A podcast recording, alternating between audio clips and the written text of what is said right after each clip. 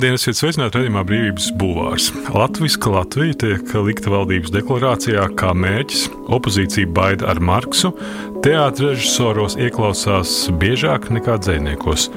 Mūsu studijā viesis ir filozofs un zvejnieks Ilmārs Šlāpens, kurš pētījis un apkopojis latviešu nacionālās īpatnības, kurš studējis arī Marksu un kurš nominēts arī dzēsdienu balvai. Sveiki! Sveiki! Es nezinu par to Marksu. Es domāju, ka vidusskolā pēdējo reizi Marksu studēju.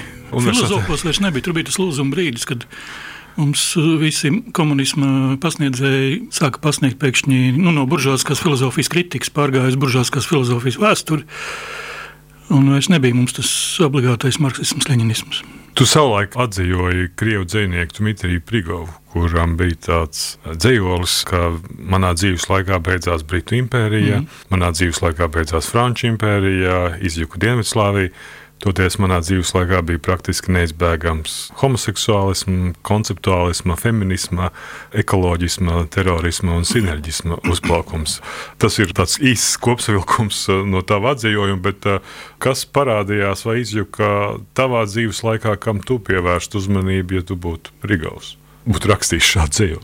Droši vien manas dzīves laikā beidzās lielā mērā tas, ko var dēvēt par roka mūziku Beidzās. Beidzās. Nu, tā nozīmē, ka roka mūzika bija ļoti specifisks mūzikas žanrs, ko pārstāvēja, ko veidoja roka grupas, kurās ietilpa personības. Tas lielā mērā ir beidzies, un šobrīd mūzika top pavisam pēc citiem likumiem, citām vajadzībām. Un vienā brīdī es tam pievērsu uzmanību, ja agrāk bija noteikti skaits žanru, Un katrā žanrā bija vairākas grupas, kas spēlēja šajā žanrā. Nu, teiksim, sastādot encyklopēdiju, varēja droši tā rakstīt, ir, ir tāds žanrs, tāds, un šajā žanrā spēlē tas, tas un tas. Un tad vienā brīdī, tas bija kaut kur ap 2000. gadu, es pamanīju, ka grupa ir vairāk nekā žanra. Un Wikipēdijā skatoties par modernajām grupām, vai precīzāk sakot, par projektiem, jo tie ir mūziķi, tas viens mūziķis, kuram ir vairāki pseidonīmi, viņš veidojas vairākus projektus, spēlēja vairākās grupās vienlaicīgi. Par katru no šīm grupām vai projektiem ir rakstīts, tā pārstāv tādus, tādus, tādus, tādus žanrus, piecus, desmit dažādus mūzikas žanrus. Mainījās tas vektors, mainījās jā, kaut kāda nepieciešamība, kāpēc cilvēki spēlē mūziku un kāpēc to klausās.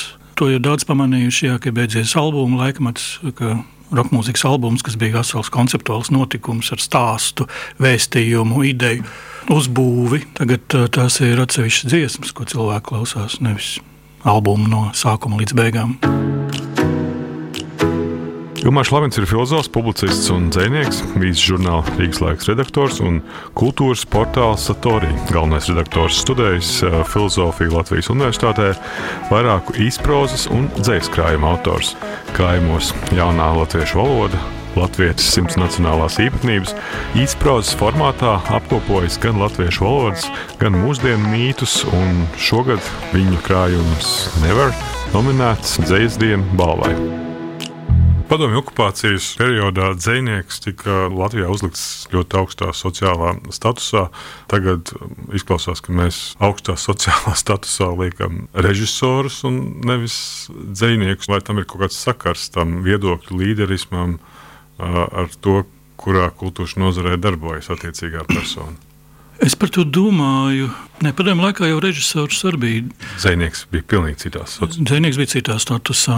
No vienas puses man šķita, ka ir mainījies vispār tās sociālā statusa struktūras sabiedrībā, ne tikai Latvijā, visā pasaulē. Un to var labi redzēt politikā, ka ir aizgājis personību laikmets. Par to sāka cilvēki tur sūdzēties un vaidēt, ka nav vairs to izcilo personību. Paskatieties, kas tur nāk par prezidentiem visā pasaulē. Kādreiz bija tur tādi un, un tur šitādi, un tagad Trumpi un, un Baideni. Vispār tādi, par kuriem mēs neatceramies, kā viņus sauc.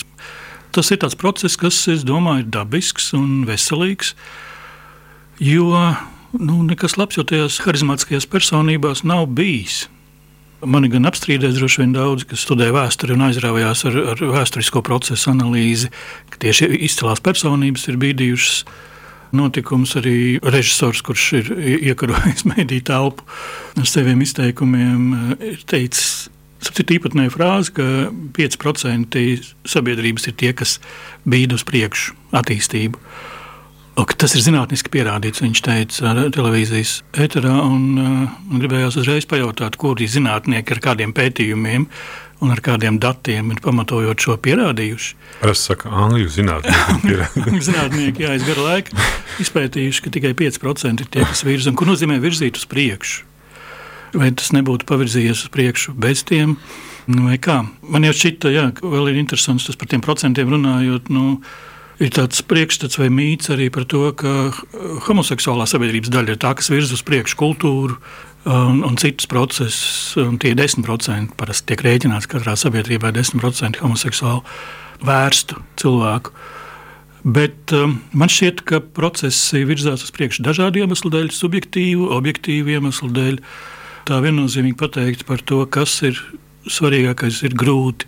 Par tiem dzīvniekiem Tas bez šaubām bija vairākas izcils personības, tai padomu laikā, es domāju. Un, ja mēs paskatāmies, ir ļoti daudz aizmirstu dzinieku. Mēs varam tagad rakt augšā kaudzi viduvēju dzinieku, par kuriem nebūtu jēgas atcerēties, kas rakstīja partijaskas pantiņas un atstrādāja savus necilos honorārus.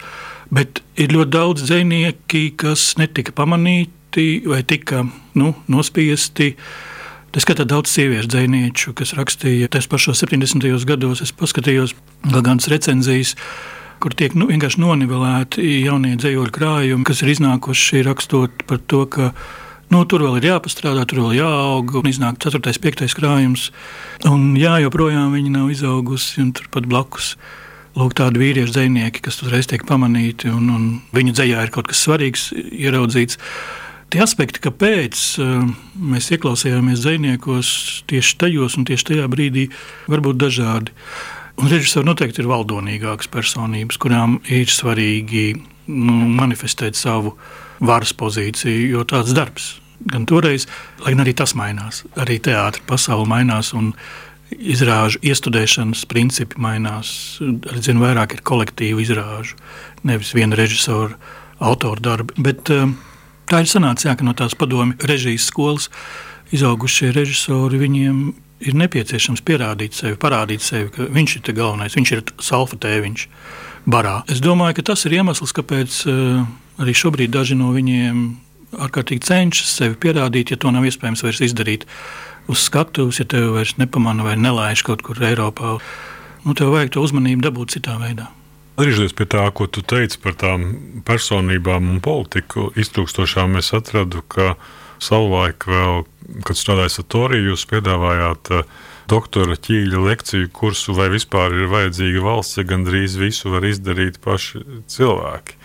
Ir mazliet riskanti apšaubīt šo jautājumu mūsdienās, bet uh, novērtējot ķīļa provokatorismu, kas ir iecelts šajā jautājumā, varbūt tā arī ir.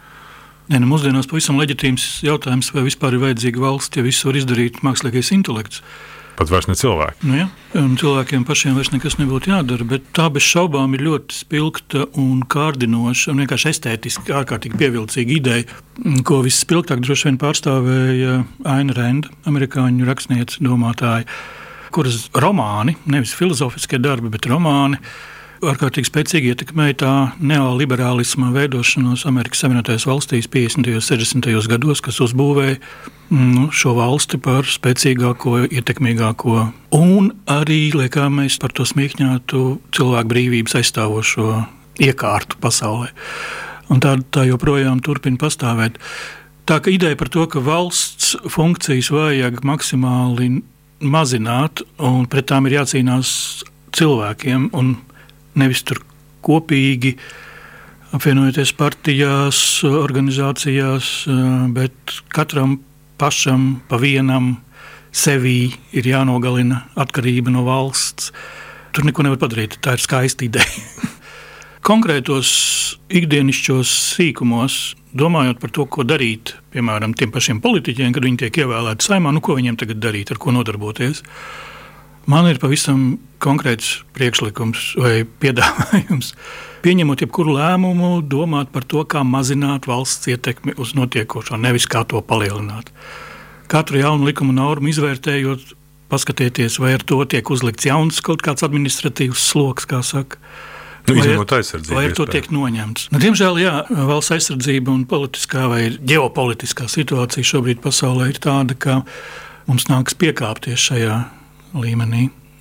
Es domāju, ka citi agresīvāki par mani cilvēki teiks, nē, dodiet, izdaliet visiem ieročus un lieciet mierā to ņemšanos ar armiju.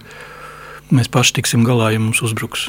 Es tā droši vien nedomāju, bet uh, mani pārsteidz tagad, jā, tagad pēdējā laikā arī skatoties tās sarunas par to, ko vajag mainīt uh, Latvijas politiskajā iekārtā, vēlēšanu sistēmā. Izskan tas, ka politiķi pie visa vainīgi, tās partijas pie visa vainīgas ir.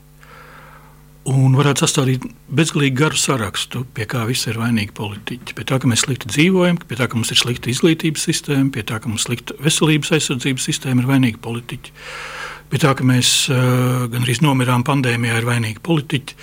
Pie tā, ka mēs netikām visi sapotēti, ir vainīgi politiķi, pie tā, ka mums produktu cenas sakāpju veikalos, ir vainīgi politiķi, pie tā, ka nezinu, pāri robežai nāk imigranti, ir vainīgi politiķi, pie tā, ka mēs nelaižam imigrantus pāri robežai, ir vainīgi politiķi.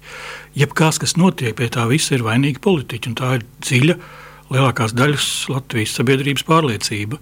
Tas atgādina to anekdotu vai mēmu padomju laikos valdīja par kādas vajāts nācijas pārstāvju vainīgumu pie visa, tā skaitā pie tā, ka krānā nav ūdens. Mans priekšlikums ir varbūt samaksājiet par ūdeni tos komunālus maksājumus vai salabojiet blīvas. Nu, izdariet kaut ko, lai tas ūdens būtu. Nevis atrodiet tos vainīgos un, un sakiet, ka pie viss ir vainīgi politiķi. Neamaina politiķi, tad jau viss būs labi. Nebūs.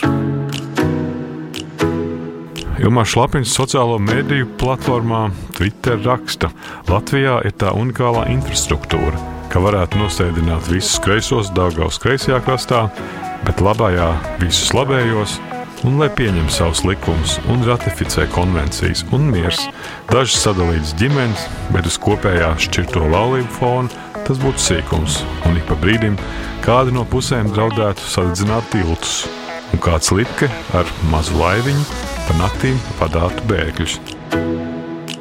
Jā, lielisks. Kā var apvienot? Principā tautu nevar apvienot, ir tikai cerības uz lipki. Nu, redz, kas notiek šobrīd pasaulē? Mēs redzam, ka cilvēki brīvi ceļo, kuri brīvāk, kuri mazāk brīvi. Un izskan, bieži vien izskan tāds viedoklis, nu, ja tev nepatīk šī iekārta, kas šeit valda, kā agrāk teica, brauciet uz savu Izraēlu vai brauciet uz savu Ameriku, ja jums te nepatīk padomju savienībā. Tagad mēs sakām, es pats sev esmu pieķēries. Nu, man mēlis galā ir brauciet uz to Krieviju, jums te kaut kas nepatīk. Kaut kādas sadzīves strīdos uz ielas vai veikalā, ja kādam ir krievu valodā iebildumi, man pirmā doma, kas ienāk prātā, no ko tu, tu te dari. Un, diemžēl šī doma ir daudziem galvā, un daudz to arī izmanto. Nu, ja te nevar viena dzimuma pārstāvja apprecēties, viņi brauc un dzīvo tur, kur to var, uz Spāniju šobrīd jau uz jebkuru citu valsti, un tikai ne Latvijā. Un tas rada tādas aizdomas, ka mīts par nacionālas valsts uh, spēku un varenību ir diezgan tāds uz māla kājām uzbūvēts. Tas, ka nācija vai valoda, vai nacionālā kultūra, vai tradīcijas, vai tradicionālais nezinu, dzīves iekārtojums ir tas, kas apvieno valsti. Izskatās, ka nē, un ja mēs sadalītu Latviju divās daļās un vienu uztaisītu nacionāli konservatīvu un otru kreisi liberālu, cilvēki mierīgi pārvāktos, viņi dzīvotu apmēram tādos pašos klimatiskos apstākļos un tiktu varbūt katra puse arī pie Baltijas jūras mm, nopeldēties. Un varbūt visi būtu laimīgi un nebūtu jāstrīdās par to, kādu tradīciju uzturēt un pie kā turēties. Tā kā šobrīd aizvien vairāk mēs redzam to, ka nācijas, kā vienas valsts iedzīvotāju kopumu, ideju satur kopā, nu, nebūtu ne valoda vai vēl jau vairāk DNS, bet uh, priekšstats par to, kā ir labi dzīvot. Ik vienas nācijas pašapziņa un identitāte ir cieši saistīta ar spēju pasmieties pašam par sevi. Tā ne tikai liecina par nacionālu briedumu, bet arī ļauj saskatīt to unikālo un vērtīgo, kas mūs atšķir un vieno. Latviešu humora izjūta vienmēr bijusi ļoti smalks un sarežģīts mehānisms, ko nevienmēr pat viņam pašam izdodas iedarbināt, kur nu vēl saprast. Apkopojot, un analizējot un komentējot latviešu priekšstats par to, kas ir viņas spilgtākās nacionālās īpatnības, nācās atrast robežu, pie kuras latviečs var pasmieties par savu pesimismu, jūsot par savu neparastumu un samiernieciski ļauties sarkastiskam domgraudam par savu nespēju piemēroties apkārtējai pasaulē. Tā savas grāmatas Latvijas simts nacionālās īpatnības ievadā raksta Ilmārs Šlāpins. Man ir tāda sajūta, ka diezgan strauji, nu, pārdesmit gadu laikā, ir ļoti būtiski mainījusies gan politiskā kultūra, gan tas, par ko mēs smejamies vai bēdājamies. Ir, protams, kaut kāda recidīva, un tie nāk atpakaļ mm, ar tādu atsitienu, bet tas ir dabisks process, tāds svārsta mehānisms. Ja kaut kas ir aizgājis pārāk strauji uz vienu pusi, tad agri vai vēl pamostas cilvēka spēki, snaudoši, kas viņam atgādina. Bet, uh, nu, nosacīti runājot par to padomu laiku saldējumu garšu. Un viņš pēkšņi pamostās un viņam liekas, ne, bet kādreiz bija labāk. Jo tas saldējums toreiz atceries bērniņa, cik bija garšīgs. Kas latviešiem īpatnējs un kāpēc mēs varam atļauties runāt par latviešu nacionālajām īpatnībām? Mēs tomēr esam diezgan noslēgta un neliela tauta un esam pieraduši par sevi tā domāt un sevi tā uztvert. Un tur ir tāds noslēgts kopienas, kaut kāds sindroms, kas liek mums aizsargāties vairāk, vairāk žēloties to upuru lomu, turpināt nest līdzi un izbaudīt, jo upuru lomu var izbaudīt ļoti dažādos veidos. Tas palīdz tikt galā kaut kādām citām sadzīves problēmām, tu vienmēr vari pateikt, ka tas taču tāpēc, ka mēs bijām okupēti 60 gadus vai 800 gadus verdzībā nīkuši. Tāpēc mēs tādi esam. Un to, diemžēl, vai par laimi, citur pasaulē vispār nesaprotu. Izraisa milzīgu pārsteigumu. Sapratu, toreiz, kad es to grāmatu uzrakstīju, vai arī anekdots par vidējo latviešu un tas, um, latviešu nacionālās īpatnības, man šķita, ka oh, tas varētu būt tāds konvertējums produkts, jo tā arī bija bilingvāla grāmata, tur bija angliskā versija klāta, nu, ko dāvināt ārzemju viesiem un iepazīstināt ar latviešu teikt, nacionālo virtuvi. Bet tā nav virtuve, tās ir mūsu psiholoģiskās traumas un kaitas, un tās citi vienkārši nespēja uztvert. Tāpat kā ar grāmatām, ar literatūru, mums ir iznākušas jau vairākas tādas romānu sērijas, ļoti veiksmīgas, brīnišķīgas ieceres par Latvijas tām desmit gadiem, tagad par latviešu rakstniekiem sēriju es esmu. Bet tajā brīdī, kad ar šo sēriju um, mēs latvieši aizbraucam uz kādiem ārzemju grāmatu festivāliem vai gada tirgiem un, un izvēlkam to kolekciju un sakām, lūk, mums ir tāda sērija, negribat pārtulkot. Viņi pirmkārt uz to pastāsta ar lielām aizdomām, kas jums tur tāds par fašistisku režīmu. Jūs tagad eh, glorificējat savu pagātni, vai savu nacionālo eh, raksturu, vai savus, jūs te valkat ārā pēc kādām pazīmēm tos savus dižgarus. Tas viss šķiet aizdomīgi, jo nu, tur ir pierasts, ka grāmata ir grāmata, tā ir vērtība pati par sevi, nevis ka tā veido kaut kādu konstrukciju, kas uzbūvē to nacionālo mītu. Bet mums tas joprojām darbojas, mums tas patīk, palīdz. Vienkārši fakts ir tāds, ka citur to nesaprot. Bet topošā valdība arī ir paziņojusi, ka viens no viņu mērķiem, ko viņi arī liks kā savu deklarācijas virsmērķi, ir redzēt, attīstīt Latviju kā latvisku. Ko tavuprāt no šīm simts nacionālām īpatnībām noteikti nevajadzētu tur likt apakšā?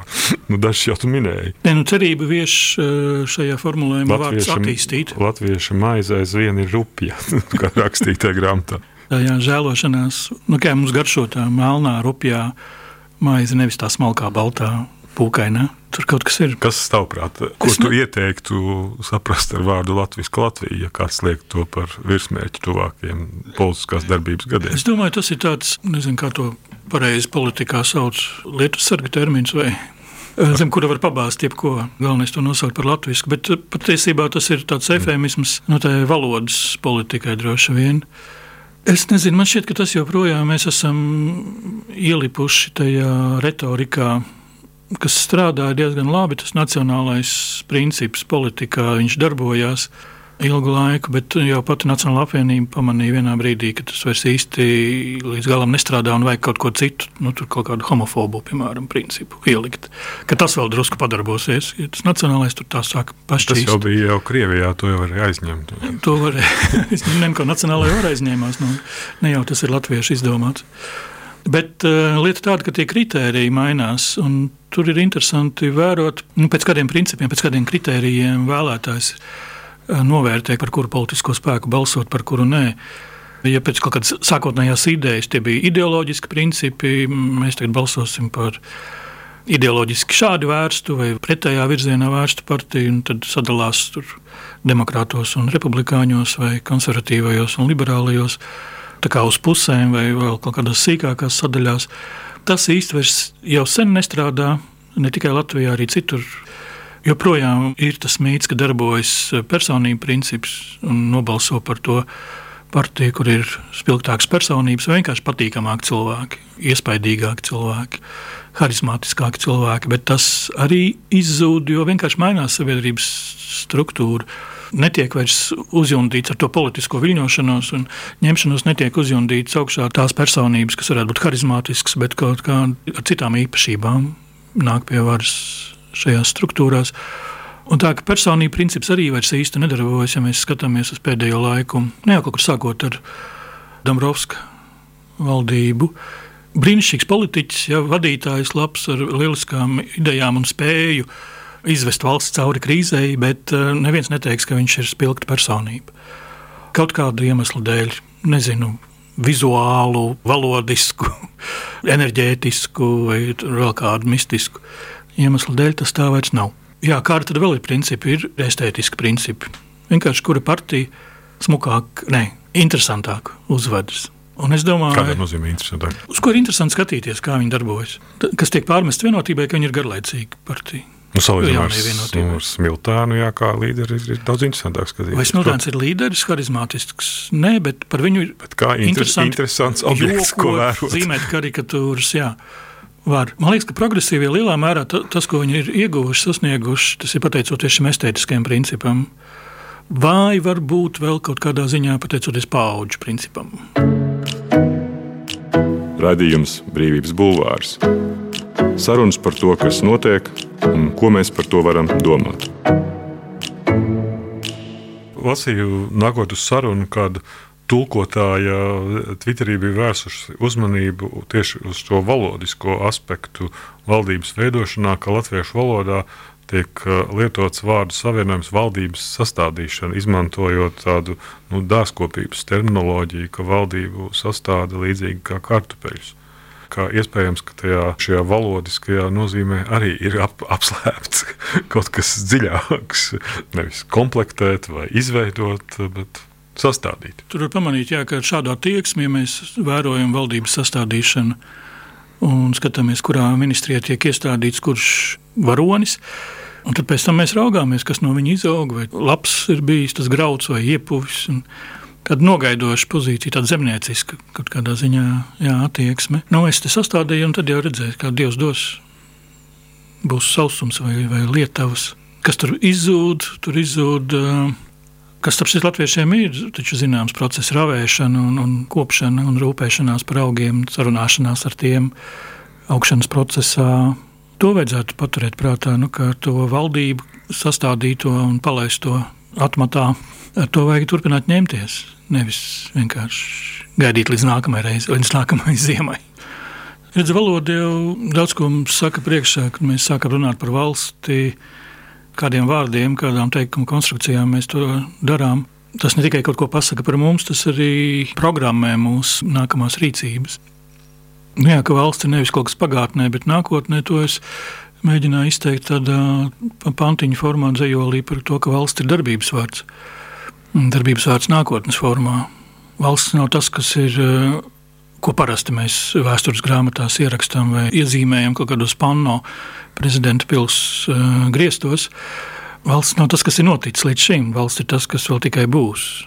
To mēs bieži vien aizmirstam, un man šķiet, to ir svarīgi atcerēties un paturēt prātā. Tu minēji jau, ka, nu, ka progresīvi iezīmē tādu pauģu nomaiņas aspektu politikā. Šobrīd var uzskatīt arī, ka par valsts prezidentu ir kļuvis tavas paudzes cilvēks. Viņš ir jaunāks par mani. Vai tā ir šīs pašas nomaiņas daļa, vai tas ir kaut kāds cita procesa daļa? Vai tev ir sajūta, ka ir tava paudze? Nē, es atceros, to, tas bija Vannegūtas šeit jā, izteikums, ka li lielākais murgs ir pamosties un ieraudzīt, ka pie varas ir nākuši cilvēki, ar kuriem tu kopā mācījies vienā klasē. To es reāli piedzīvoju. Mans klases biedrs tika ievēlēts saimā. Bet um, es tik ļoti nejūtu sevi piederīgu konkrētai paudzei, nu tādā nozīmē, kā konkrētam gadam vai pat desmitgadēji. Varbūt man ir izdevies jā, iemācīties kaut kādu to vērotāju no malas pozīciju un uzturēt. Un es ar lielu prieku gribētu mēģināt uh, izlikties vai iefiltrēties tajā jaunākajā paudzē, kas tagad tikai nāk. Varbūt pat vēl jaunāki nekā tie progresīvie. Tajā, kuriem šobrīd ir 15, 20 gadi. Kuriem vairs nebūs profesijas, kuriem vairs nebūs, kur... kuriem vairs nebūs jāstrādā beidzot. Bet uh, kur es domāju, būs Es ceru, laimīgāki cilvēki par mums, par tiem, kas dzimuši manā gadā. Tu gribētu būt vēlreiz, lai tev ir 16 vai 18? Kurš tur negribētu? Mm, es domāju, tas melo, kurš saka, ka viņš negribētu vēlreiz. Bet nu, tu pats savulaik arī aprakstīji, manuprāt, žurnāla avots tapšana 80. gadu beigās, kas nu, kaut kādā ziņā ļoti fenomenāli, ko nav iespējams vairs pat atkārtot no tāda saturiskā viedokļa, ko tas izpildīja. Un tad ir jautājums, nu, vai ir vēlreiz iespējams nonākt tajā īpašajā egregoru stāvoklī. À, tur, protams, ir tā ilūzija. Jā, tas mūžīgās jaunības eliksīra meklējumi ir ilūzija, jo atgriezties tieši tajā jaunībā nav iespējams. Pat ar laika mašīnu teorētiski tas būs kaut kas cits. Tas, ka mainās, nu jā, tas, ko mēs sākumā runājām, arī nu, piemēram, mūzikas klausīšanās paradumi ir mainījušies, un es vairs nevaru būt tas 16 gadnieks, kurš toreiz klausījās pirmo reizi Pink Floydus un, un, un Led Zeppelin. Tas būs pavisam savādāk. Jā, tas, kā mēs lasījām tās grāmatas, kas iznāca toreiz, kā mēs iepazinām grāmatas, kas bija iznākušas pirms 50 gadiem, bet bija aizliegtas un nebija nonākušas pie mums, nu, kāds notika ar avotu, vai kā mēs uzvedāmies un komunicējām 2000. gadu sākumā, kad ienāca kā, pilna apjoma interneta komunikācija mūsu dzīvē un ikdienā. Es šobrīd strādājot ar Andrēs Neiburgas eh, dienas grāmatu rediģēšanu, lai to izdotu drukātā grāmatā, saskaros ar to, ka tas ir par laika periodu no 2003. gada un to ārkārtīgi aktīvo komunikāciju internetā, kas toreiz bija, tikko sākusies. Tas bija kaut kas pilnīgi jauns. Sviestacība laikam. Svi, jā, blogu vietne, KLV, kur cilvēki pilnīgi jaunā viņiem veidā uzsāka iepazīties, sarunāties un izjust nepieciešamību pēc šādas komunikācijas. Tas, par ko tur tika runāts, kādā veidā, kā tika veidotas mākslīgās identitātes, kā viņas saplūda ar reālajām kā cilvēki iepazinās, kā viņi dzīvoja šajās dubultajās identitātēs. Un tas bija ārkārtīgi skaists un auglīgs un daudzveidīgs laiks, kurš es tagad to pārlasot un, un liekot kopā, saprotu, ka tas ir aizgājis. Šobrīd tie sociālie tīkli, tā komunikācija, kas šobrīd ir sociālajos tīklos, ir jau pilnīgi atšķirīga. Un vairs nekad mums nebūs ne tās anonimitātes, kas bija toreiz, ne tik varbūt pat personisku un intīmu kontaktu veidošanās, kā bija toreiz pateicoties internetam, pierakstīšanas, nu, savu domu, savu izjūtu, savu ikdienas piedzīvojumu pierakstīšanu dienas grāmatas formā, kas parādījās pilnīgi jaunās iespējās tajā laikā. Arī tas šobrīd ir mainījies. Mums tagad ir pilna telefona ar fotografijām, nu, katras dienas piedzīvojumiem, bet aizvien mazāk mēs pierakstām to, kas mums ir noticis. Paldies! Tas bija Ilmārs Šlāpins, mans vārds Kins Grūbe, radījumu ierakstīja Toms Šits un Montē Nora Mitspapa. Paldies! Brīvība ir brīvība. Nevienlīdzība vai taisnīgums, vai kultūra vai cilvēks laime. Tā teica Iesai Berlīns. Sarunas ar brīvas apziņas un ideju cilvēkiem radījumā Brīvības bulvārs.